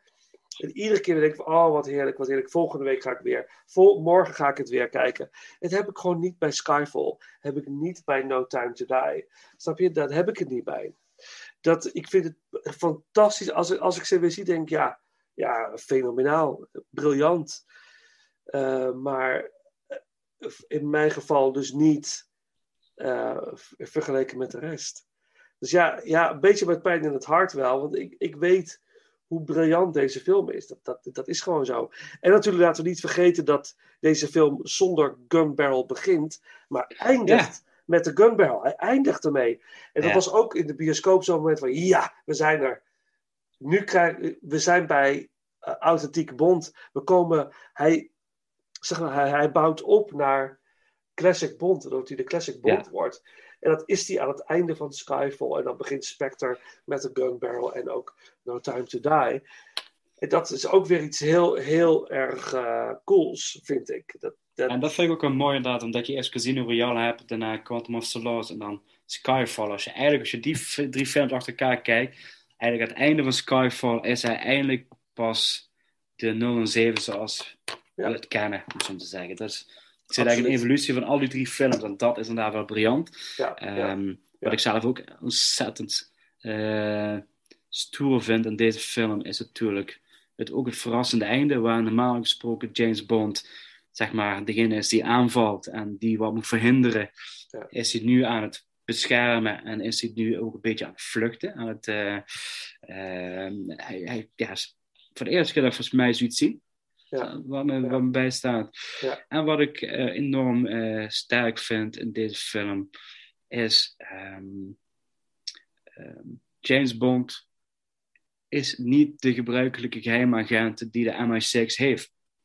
Mm. En er zit een enorm mooie dialoog in van uh, Judy Dench als zij voor, het, voor, voor de Senaat moet komen, of elke voor een bepaalde tuggerechterachtig iets. Ja. En zij dicteert dan een gedicht voor.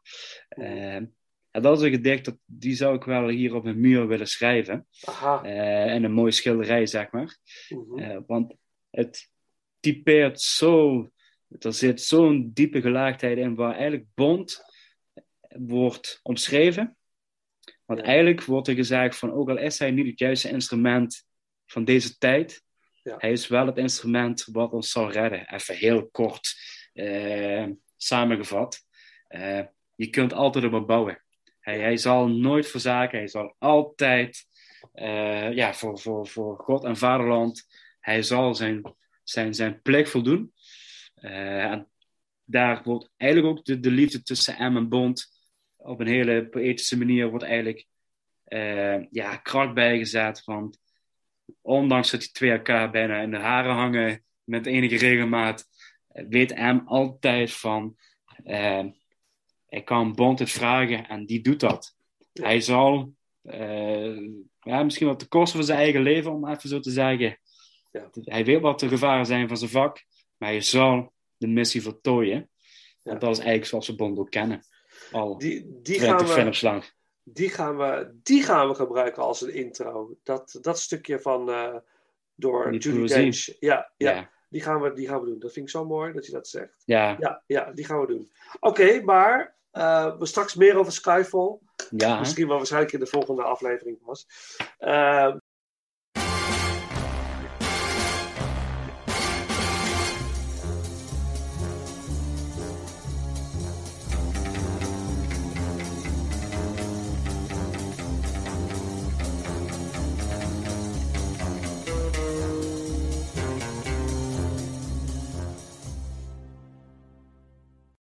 Wat is jouw nummer 13? Mijn nummer 13, even kijken in mijn lijstje. Dat is You Only Live Twice. Mm. En uh, hij staat bij jou een stukje hoger. Tien plaatsen Uh, hoger weer. Ja, maar voor mij staat hij dus op nummer 13. Ja, En dus ja, eigenlijk mee te maken van... Uh, dit, dit is een zeker jeugdsentiment, deze film. Uh, wat ik als klein jochie, met dank aan mijn vader, uh, heb mogen zien. En um, dus pap, bedankt. en dat we nog veel films mogen zien. Ik hoop een het ook. eervolle vermelding voor vaders. Um, ja, dit, dus zoals we ook al zeggen, van, het is zeker niet een van de beste films van Connery. Uh, dat, dat, daar hebben we in jouw gedeelte ook al over gehad. Dat er zijn genoeg dingen wat, wat, wat ja, een beetje raar aanvoelt en niet, niet helemaal echt vast. Dus, met, met, met de ninja's en met bepaalde, dat die, dat die omgebouwd wordt en dergelijke, of transformeert, laten we het zo zeggen. Ja. Dus we daar hele rare reacties op gaan krijgen. Um, uh, maar weet je, daar zitten wel. Wat ik gewoon heel erg fijn vind, is gewoon de finale, de aanval op de vulkaan. Dat is gewoon eigenlijk iets bondsachtig, om het zo te zeggen.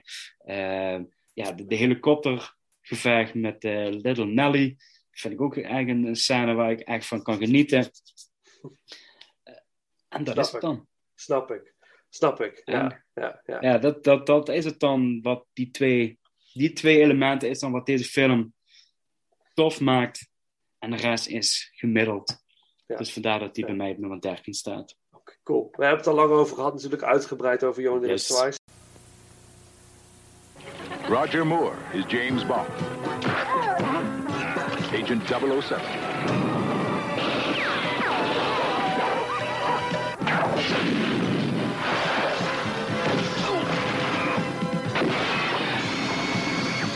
Just when you thought you'd seen everything, comes something for your eyes only. Rated PG. Starts Friday, June 26th at a theater near you. Dus ehm, we gaan er niet verder op door. Dan gaan we naar nummer 12. Eh, mijn nummer 12 ehm, is For Your Eyes Only. Dus dat is eh, eh, de eerste Bondfilm in de jaren 80.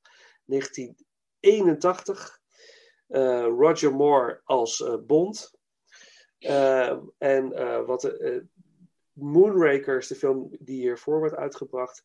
Dat was een over, over the top Bondfilm met allemaal bizarre dingen. En, en ze wilden eigenlijk Bond weer een beetje terugbrengen naar, eh, naar wat basic, basic werk. Hè? En eh, wordt ook wel gezien dat dit veel mensen zeggen dat het de beste Roger Moore film is uit de reeks. En eh, ik, ja, ik, denk, ja, ik zie jou. jullie zien natuurlijk niet mensen die luisteren, maar ik zie Paul flink met zijn hoofd schudden als van ja, ja, ja, dat, dat is zo. Voor mij is dat niet zo, maar persoonlijk. Maar ik, ik, ik ben wel ehm, fan van For Your Eyes Only. Ik vind For Your Eyes Only echt, echt heel, heel cool. Echt een geweldige, geweldige Bondfilm. Ehm, eh, Roger Moore is heerlijk op dreef. Helemaal vergroeid in zijn rol. En je ziet, ook, je ziet hem zichtbaar genieten van het feit wat hij doet. Want hij wordt in deze film ook echt uitgedaagd om los van het humoristische ook naar wat meer character-based 007 te gaan. En dat, dat, is, eh, dat is echt goed. Het, natuurlijk, het verhaal is een beetje vergezocht. Eh, het gaat om die A-tag.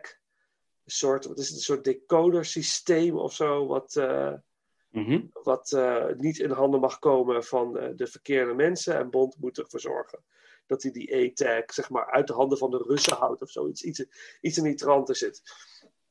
En, dat is een beetje weer classic de- tegen de Russen verhaal, hè? ja, ja. Dat ja, is een ja, beetje, ja, ja, eh, Koude dat- Oorlog, dat- hè? Ja, ja. Koude Oorlog, ja. Ja, absoluut. En prachtige locaties. Mooie rol van Topol. eh, eh, en eh, Julian Glover. Carol Bouquet als, als Bondgirl. Ook ja, niet heel noemenswaardig, maar wel gewoon oké. Maar ik vind dit Doe precies wat nodig is. wat nodig is inderdaad. Dit is echt de film Ja. van Roger Moore. Ook met een gigantische... ehm, eh, ook Charles Dance heeft een, ge- een van zijn, debuut, van zijn eerste rollen. Is hij een van de bad guys die hem eh, zeg maar achtervolgt in, in, op de skipiste. En dan die, die blik van Charles Dance. Daar word je gewoon bang van als je, als je die man al ziet. Die herken je in duizenden films, die Ja. blik. Die heeft zo'n blik en gezegd dat je denkt, ach, daar is hij weer. Ja, daar is hij weer. Ja. ja, ongekend trouwens zijn rol in Game of Thrones vond ik eh, fantastisch. Een van Yes. mijn favoriete karakters. Naast eh, de prins, die, door, waar die zijn ogen wordt uitgestoken door de mountain.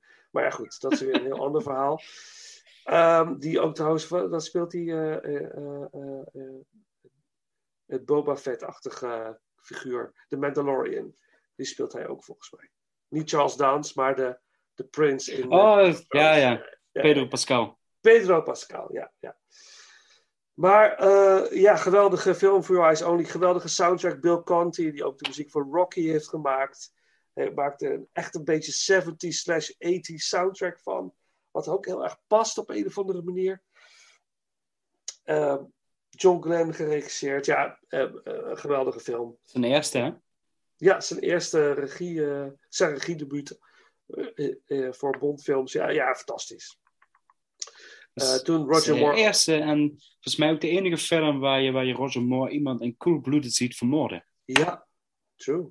Ja, ja, ja dat, dat, dat is ook, ja. is ook iets wat, wat uh, in heel veel features voorbij komt. Dat, dat, dat het echt uh, ja, redelijk ja, bijzonder is. Ja, dus waar het eigenlijk altijd met een bepaalde knipoog of met, met ja, de, de charmes van Bond heeft. Met deze film ja, vermocht hij eigenlijk gewoon een coolbloede iemand die, die het verdiend heeft, laten we het even ja. zo zeggen. Ja, ja, ja, echt inderdaad uit boosheid, uit woede. Ja, ja, ja, ja, ja, ja, geweldig. Dus ja, dat is mijn nummer 12. Wat is die van jou? Cool.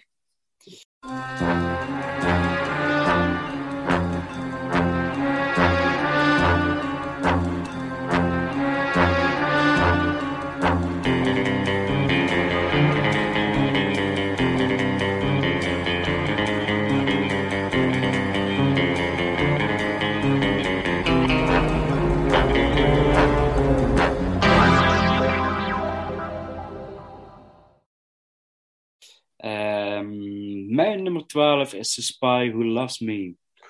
Oké, okay. ja. Staat ja. mij ook een stukje hoger. Dat had ik al verwacht. Spy Who Loves Me, de, de, de introductie van Jaws uh, ja. bij de piramide. Um, even kijken, dan heb je natuurlijk uh, de Russische agenten die Bond gaat helpen. Barbara um, Bach, ja. Barbara Bach, inderdaad. En ja. um, ja, er, worden, ja, even kijken. Even, oh, Stormburg heeft hij, heet hij volgens mij. Ja, ja. Karl Stromborg, ja. ja. Stromborg. Hij ja. probeert eigenlijk een oorlog uit te lokken tussen Engeland en Rusland door de onderzeeërs kapen in een heel groot olietanker. Uh, wat gewoon, ja, ik vind het gewoon een geweldig idee. En naast de olietanker heb je ook nog een onderzees uh, of een uh, onderwater uh, imperium uh, waar, waar hij verblijft, want hij is eigenlijk één met de zee. En ook uh, de oceaan, dus eigenlijk een, ja, een liefhebber van de, van de wateren. Ja. Um, maar ik, ja, dit is een film waar eigenlijk ja, op het top kunt genieten van de decors van, van de Bond-films. En ja. ja, ook gewoon heerlijk. De, de auto-achtervolging die, die in het water belandt en een onderzeeboot wordt. Um, ja, heel veel leuke elementen in deze film. Um, hij heeft alleen wat startproblemen, vind ik, deze film. Dat, uh, je, het is een film waar je even in moet komen. Hij begint met een ski-achtervolging en dan ja. ineens zit je in Egypte. En dat is wel even iets waar, waar een bepaalde... Ja. Het verhaal krijgt dan een beetje, een beetje, een beetje wat, wat, wat, wat rommelig, om het zo te zeggen. Mm -hmm. Maar als het eenmaal begint te lopen, dan heb je echt een hele leuke actiefilm uh, qua Bond. Um, waar ik vind dat de elementen van gekheid en seriositeit en actie gewoon echt heerlijk gecombineerd zijn. Ja. Um, en ik vind ook eerlijk gezegd de, de, de, de olietanker waar die uh, onderzeeboten in zijn verstopt, ik vind het een van de leukste decorstukken uh, die in een Bondfilm voorbij zijn gekomen. Um, ja, hoe het verzonnen is. Dat, dat, dat Ja. is eigenlijk iets wat me altijd bijblijft. Ja. Wat, waar, waar eh, de logica ook wel een bepaalde wijze aan de kant wordt gegooid. Want er, er zijn echt wel elementen die, waar geen s'nachts van klopt. Dan denk ik van ja, volgens mij... eh, ja, ik wil niet weten hoe groot die olietanker in het echt moet zijn geweest. Maar ja, lang leven modelbouw en alles. eh, ja, prachtig. Ja. Heerlijk van genoten. Ja, het is een geweldige film. Ja, hij staat bij mij iets hoger. Komt in de volgende aflevering pas weer aan bod. Maar ehm, de- op de poster staat ook The Biggest Bond, of zo, The Biggest Bond Ever. Eh, vergeleken met de andere films die eh, ervoor zijn uitgebracht, is het wel de biggest, ja, qua locaties. Absoluut, Maar ja. er zit dus dat, dat eh, en eh, ja, Roger Morris eh, vind ik erg goed in deze film. Maar we komen er later nog op terug. Het is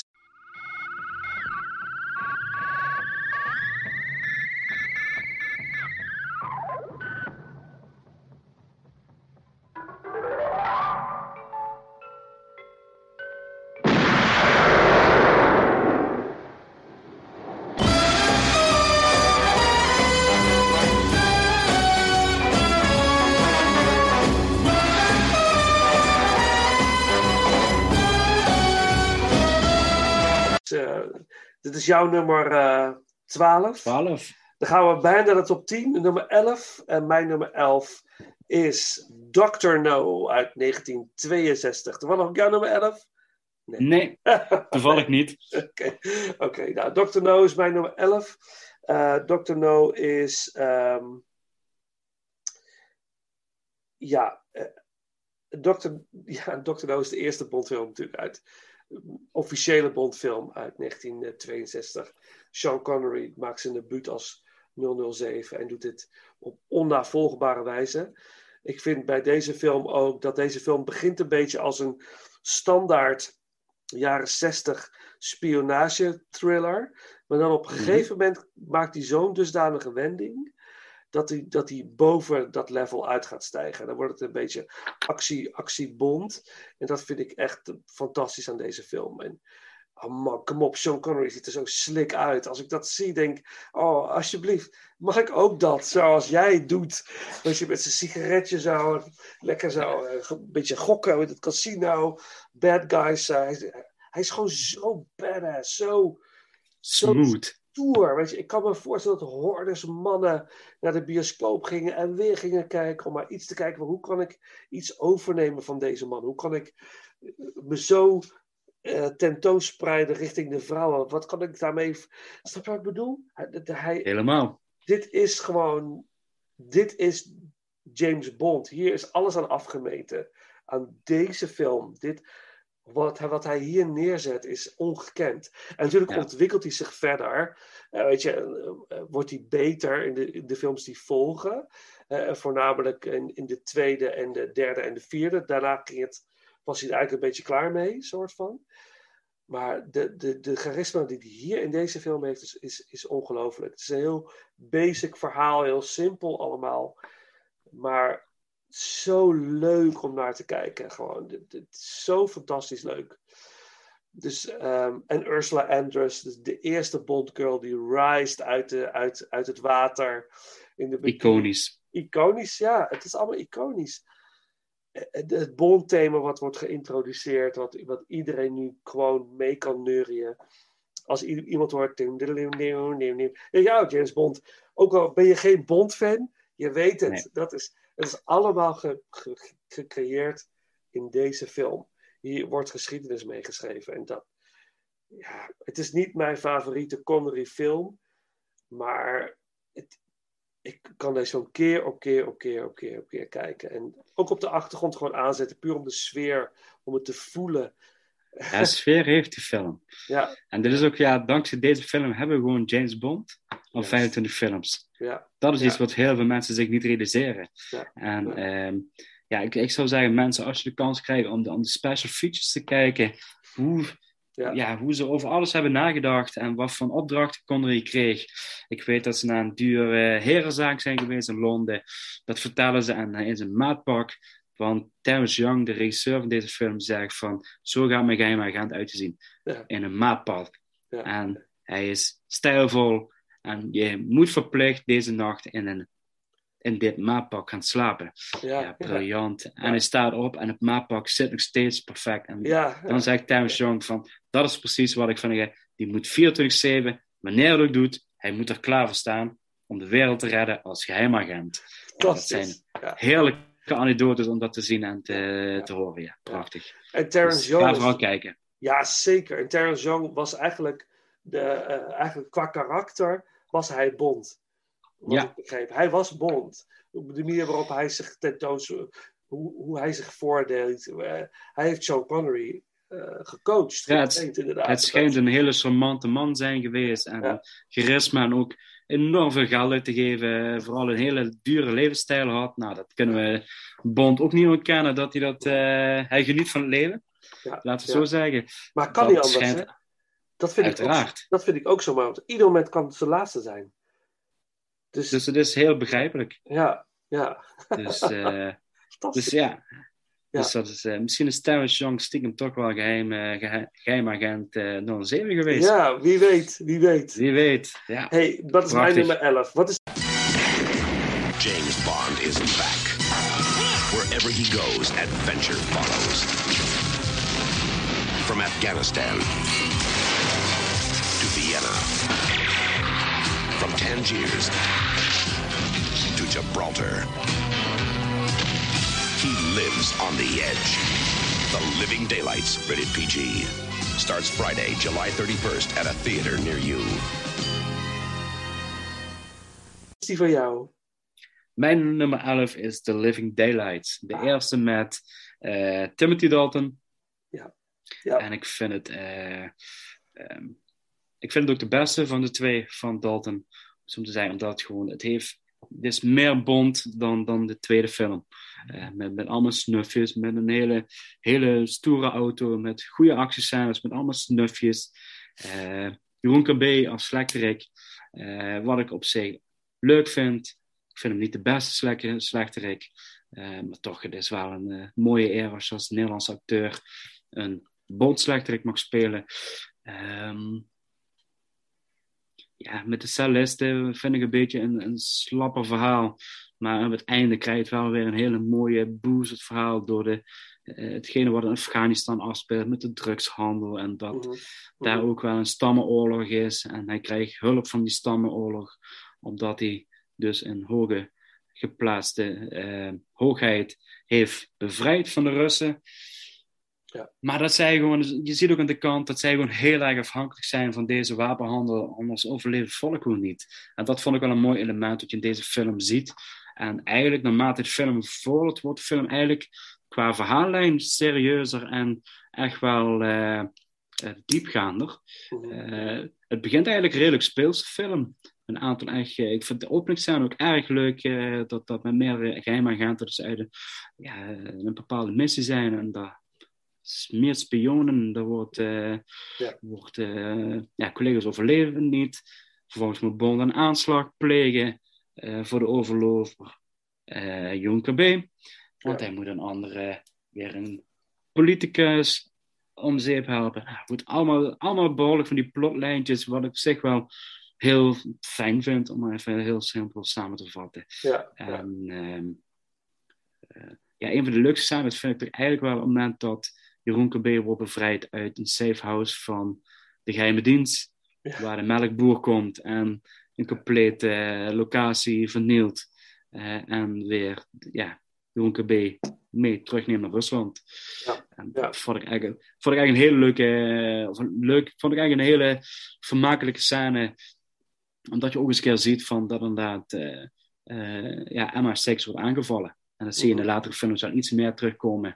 Dat het niet alleen maar, of dat het van twee kanten Ja. eh, beweegt, zeg maar. Ja, ja. Dus, eh, ja, ja, ja. Dus ik, ik vind ja, een geweldige film. Hij komt bij mij nog eh, voorbij in de volgende, volgende aflevering. Ik ben ook heel erg weg van de soundtrack. En daar zullen we ook iets mee doen nog. Het Bond. Wat, dit is de laatste soundtrack door John Barry. En in deze soundtrack werkt hij ook een beetje met synthesizers. Dus hij maakt een combinatie van or- orkest met synthesizers. Eh, waardoor hij een jaren tachtig feel krijgt, maar toch ook een John Barry sound heeft. En dat maakt het een hele unieke soundtrack eh, in de Bond-geschiedenis. Dus ik wil eigenlijk waarschijnlijk de volgende, laatste aflevering starten met eh, een track van die soundtrack. Want dat is wel, eh, ja, ja, ja, goed. Dit is de laatste van, van Barry. En heeft, vervolgens heeft hij nog een aantal prachtige soundtracks gemaakt, waaronder eh, eh, eh, Dances with Wolves en ehm, ehm, eh, kom op, kom, kom, Chaplin. Wat trouwens Mhm. ook een van mijn favoriete films al- aller tijden is. Maar ehm, ja, nou goed, anyways, dat, dat, eh, ja, dat, doe, dat kom ik nog op terug. Ook Living Daylights überhaupt. Dat, eh want die staat iets hoger bij mij. Maar dat is jouw nummer 11. En Yes. eh, daarmee ronden we eigenlijk deze aflevering af van Inglorious Rankers. Eh, de volgende, de laatste ronde die we gaan uitbrengen. Dat is de top 10. De definitieve top 10. Dus ehm, we sluiten deze aflevering af met een track uit A View to a Kill. Dat is eigenlijk de instrumentale versie van het nummer A View to Kill. Maar dit is ge- gemaakt door John Barry. Eigenlijk de, de eh, man die eh, eh, de meest memorabele Bond scores heeft gemaakt. Waar dus David Arnold vervolgens ook een hommage aanbiedt in de scores die hij maakt. En dit is, dit is gewoon prachtig. Dit is gewoon een heel mooi stukje muziek. Uit The View to Kill, That Fatal Kiss heet het nummer. Eigenlijk de instrumentale versie van het nummer door Duran Duran, maar dan uh, uh, met orkest gedaan. langzaam als een soort ballad. deel vooral jouw James Bond ranking met ons via Instagram, Facebook of Twitter of mail het naar ons. Wij zijn heel benieuwd en willen het graag naast de, de ranking van ons leggen. Uh, maar voor nu, uh, Paul, bedankt uh, voor deze ronde. beste mensen, bedankt voor het luisteren en tot de volgende ronde.